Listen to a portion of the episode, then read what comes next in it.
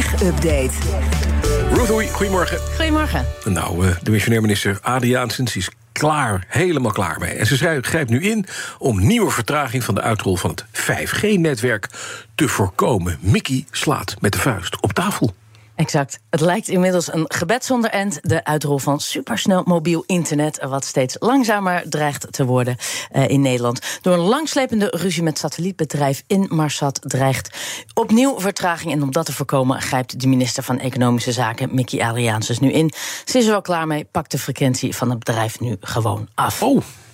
Ze dacht, uh, ja, anders schiet het echt niet Maar wacht, je moet toch even uitleggen hoe dat zit. Want we hebben toch 5G? Wat, wat is het probleem? Ja, nee, maar dit moet nog veel sneller 5G oh. zijn. En daarvoor is nu een strijd, iedere keer met het Friese buren. Daar staan zendschotels, die worden gebruikt voor, uh, door Immersstad... voor noodoproepen van zeeschepen. Exact. exact. Ik zal nog heel even kort voor eh, de ja. luisteraars die denken... wat gaan zij ineens snel hier aan tafel? Mm -hmm. Volgens Adriaanse is het nodig omdat die padstelling is ontstaan... in dat conflict met Inmarsat. Ja. Dat bedrijf, zoals jullie zeggen, al gebruikt al decennia lang...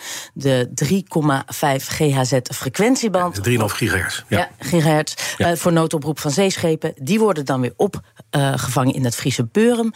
Die band is echter aangewezen voor 5G. Uh, nou, Inmarsat wilde Buren niet zomaar opgeven. Kreeg eerder gelijk van de rechter in een kort geding. Nou, een onafhankelijke commissie adviseerde erop de verhuizing van dat hele satellietstation naar Griekenland en een passende vergoeding. Nou, dat leek een uh, hele goed, ja. Ja, goed gevonden oplossing. En uh, nou ja, daarmee zou het probleem zijn opgelost. Leek, want zij uh, Inmarsat vond de loopduur van de vergunning van de Griekse telecomautoriteiten te kort. Loopt tot eind 2020, maar het bedrijf wil er één die loopt tot en met 2032. Nou, volgens Adriaansens biedt de Griekse vergunning voldoende zekerheid dat ze ook na 2027 verder mag gaan. En vindt de eisen van Inmarsat onredelijk en grijpt daarom nu in. Ze kondigt in een, bedrijf, bedrijf, in een brief aan de Kamer aan dat de uh, gigahertzband vanaf 1 februari volgend jaar gewoon niet meer mag worden gebruikt voor noodoproepen van zeeschepen. Ze verandert daarvoor het Nationaal Frequentieplan en hoopt dat hiermee die kwestie eindelijk kan worden afgerond. Mm. Nou ja, maar door dit hele gedoe, je zei het al, heeft die uitrol van 5G en dan vooral die hele snelle internetverbinding enorme vertraging opgelopen. Nog steeds is niet duidelijk wanneer die nieuwe vergunningen voor 5G worden geveild. Ja, dat moet minimaal 176 miljoen euro opbrengen. Zo liet het kabinet in maart dit jaar al weten. Nou ja, uh, ik denk alleen maar radiofrequenties, 5G-vergunningen. Ja. Al die veilingen legt de staat geen Nee, want iedereen mag lekker meebieden. Maar Immersat wordt er dus uitgedonderd. En hoe, en hoe moet het dan verder met die noodoproepen? Nou ja, die gaan dan via een zendsstation. Dat, die gigahertz, die 3,5 gigahertz frequentie daar kan je, die kan je ver, lekker ver mee stralen. Dus dat kan ook naar Griekenland. Dat kan daar opgevangen en verwerkt. Ja. Dus dat is allemaal geen probleem. Uh, alleen, het had interferentie met ons mobiele, mobiele uh, verhaal. Nou, dat was de grote inzet. Nou, nu hakt Adriaansens de knoop door. Wegfrequentie. Niet heel onverwacht, steeds meer nieuwsorganisaties komen do's en don'ts... Uh, met do's en don'ts voor journalisten voor betreft het toepassen van AI. En ook een hele grote Amerikaanse persdienst, dat is de grootste zelfs, het Associated Press, die gaat dat nu ook doen, hè? Ja, ja uh, Associated Press in de journalistieke volksmond, beter bekend als AP, ja. heeft richtlijnen gegeven aan zijn journalisten over het gebruik van generatieve AI. Nou, AP is een van de nieuwsorganisaties die onderzoeken doet naar manieren om die technologie te gebruiken bij het verzamelen van nieuws. En daarin zijn ze natuurlijk niet uniek. Nou, in een blogpost benadrukt uh, uh, AP Vice President voor Normen en Inclusie, want die heb je ook. -hmm. Amanda Barrett, dat het bedrijf AI niet ziet als een vervanging voor journalisten op welke manier dan ook, maar dat ze deze richtlijnen ontwikkelen voor verslaggevers en redacteuren over hoe ze AI moeten gebruiken. Gelukkig. Ja. Dus wat zij zeggen.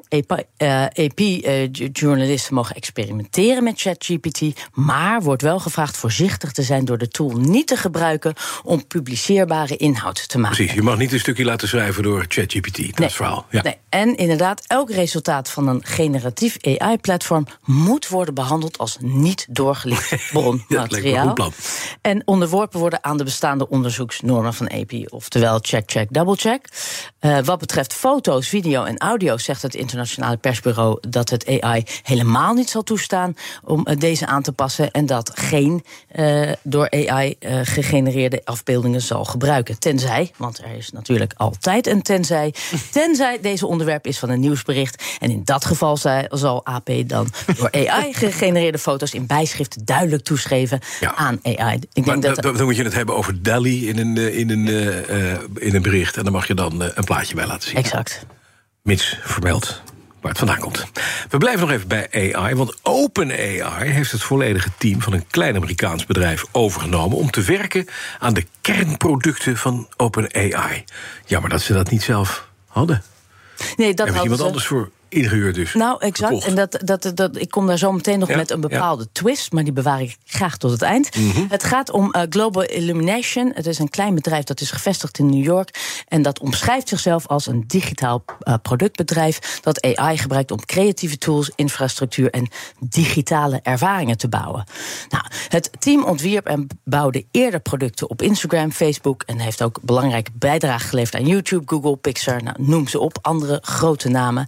Um, OpenAI vermeldt dit in haar aankondiging over deze overname. Nou, het hele team van Global Illumination heeft zich bij het bedrijf gevoegd om te werken aan zijn kernproducten, uh, waaronder ChatGPT. Nou, dat klinkt trouwens veel groter dan het is. Na een korte blik op hun website lijkt het voltallige team, maar uit acht man personeel. Heel Global Illumination, ja, dat is heel Global Illumination. Alle acht. Iedereen overgenomen, alle mm -hmm. acht. Uh, verder gaat uh, OpenAI trouwens niet in op de voorwaarden van die overname wat ze hebben neergeteld voor deze acht mensen. En dus de expertise die ze brengen wordt ook verder niet genoemd.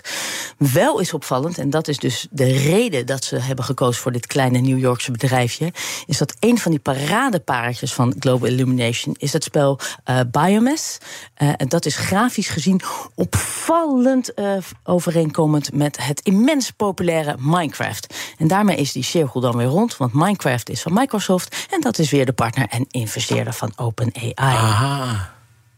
Dus dan krijg je. Zo heb je je concurrent gekocht. Exact. Dankjewel. Goed hoor. De BNR Tech Update wordt mede mogelijk gemaakt door Lenklen. Lenklen. Betrokken expertise, gedreven resultaat.